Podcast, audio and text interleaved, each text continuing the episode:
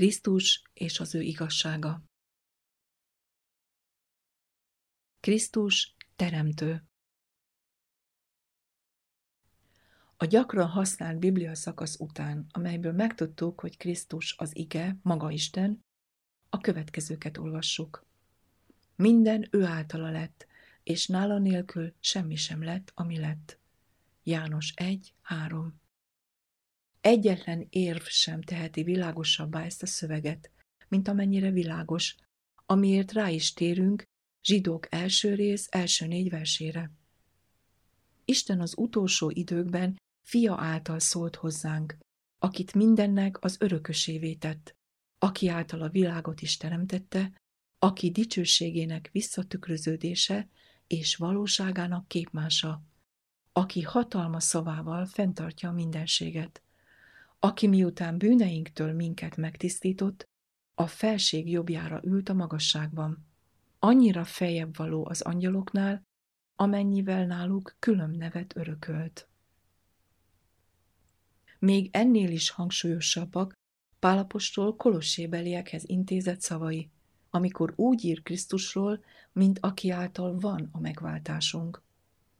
Pálapostól kijelenti Krisztusról, hogy ő láthatatlan Istennek képe, minden teremtmények előtte született, mert ő benne teremtetett minden, ami van a mennyekben és a földön, láthatók és láthatatlanok, akár királyi székek, akár urasságok, akár fejedelemségek, akár hatalmasságok. Mindenek ő általa és őre nézve teremtettek. Kolossé 1, 15-től 17-ig. Gondosan kellene tanulmányoznunk ezt a csodálatos szöveget, és gyakran kellene elmékednünk róla. A világegyetemben semmi sincs, amit ne Krisztus teremtett volna. Ő alkotott mindent a mennyben és a földön. Ő alkotott mindent, ami látható és láthatatlan, akár királyi székek, akár uraságok, a mennyei fejdelemségek létezése csak tőle függ. Mivel ő mindenek előtt van, de mindezek teremtője is, ezért minden ő általa tartatik meg. Ugyanezt jelenti ki zsidók első rész harmadik verse, aki hatalma szavával fenntartja a mindenséget.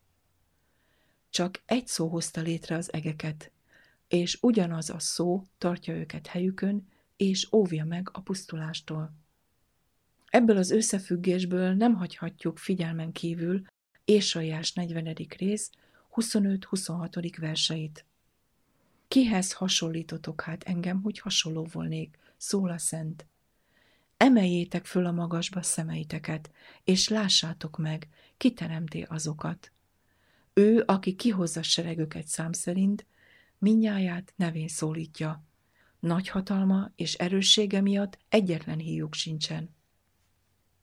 Vagy ahogy a Héber szöveg még energikusabban hangsúlyozza – semmi sem menekülhet meg tőle, attól, aki hatalmas és nagyon erős. Hogy Krisztus az, aki nevükön szólítja a mennyei seregeket, és helyükön tartja őket, kitűnik ezen fejezet más részeiből is. Ő az, aki előtt ezt mondták.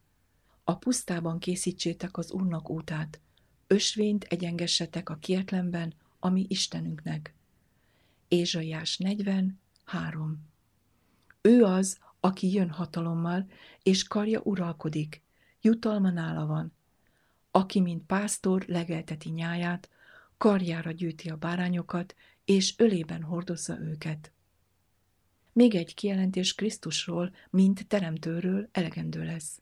Ez maga az atyának a bizonyságtétele.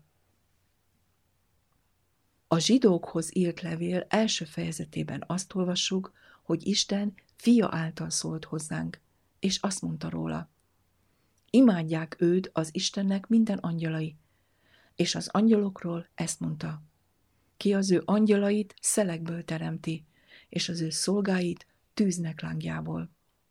A fiának azt mondta, a te királyi széked, ó Isten, örökön örökké, igazságnak pálcája, a te országodnak pálcája.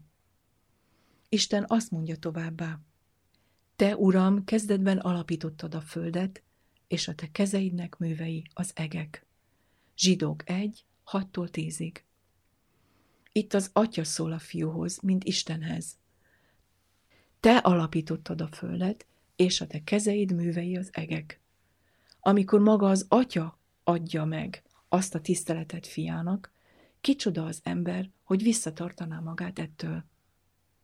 Ezzel bizonyságot tehetünk Krisztus istenségéről, és arról, hogy ő minden dolog teremtője. Szükség lenne itt egy óvatosságra intő szóra. Senki ne gondolja, hogy mi magasztalhatjuk fel a fiút az atya fontosságához, vagy hogy az atyát alábbszállíthatjuk. Erről nem lehet szó, mert mindkettőjük érdeke közös. Az atyát magasztaljuk, amikor a fiút magasztaljuk. Figyelmezzünk Pál apostol szavaira. Mindezáltal nekünk egy Istenünk van, az Atya, akitől van a mindenség, és mi is ő benne, és egy Urunk Jézus Krisztus, aki által van a mindenség, és mi is ő általa.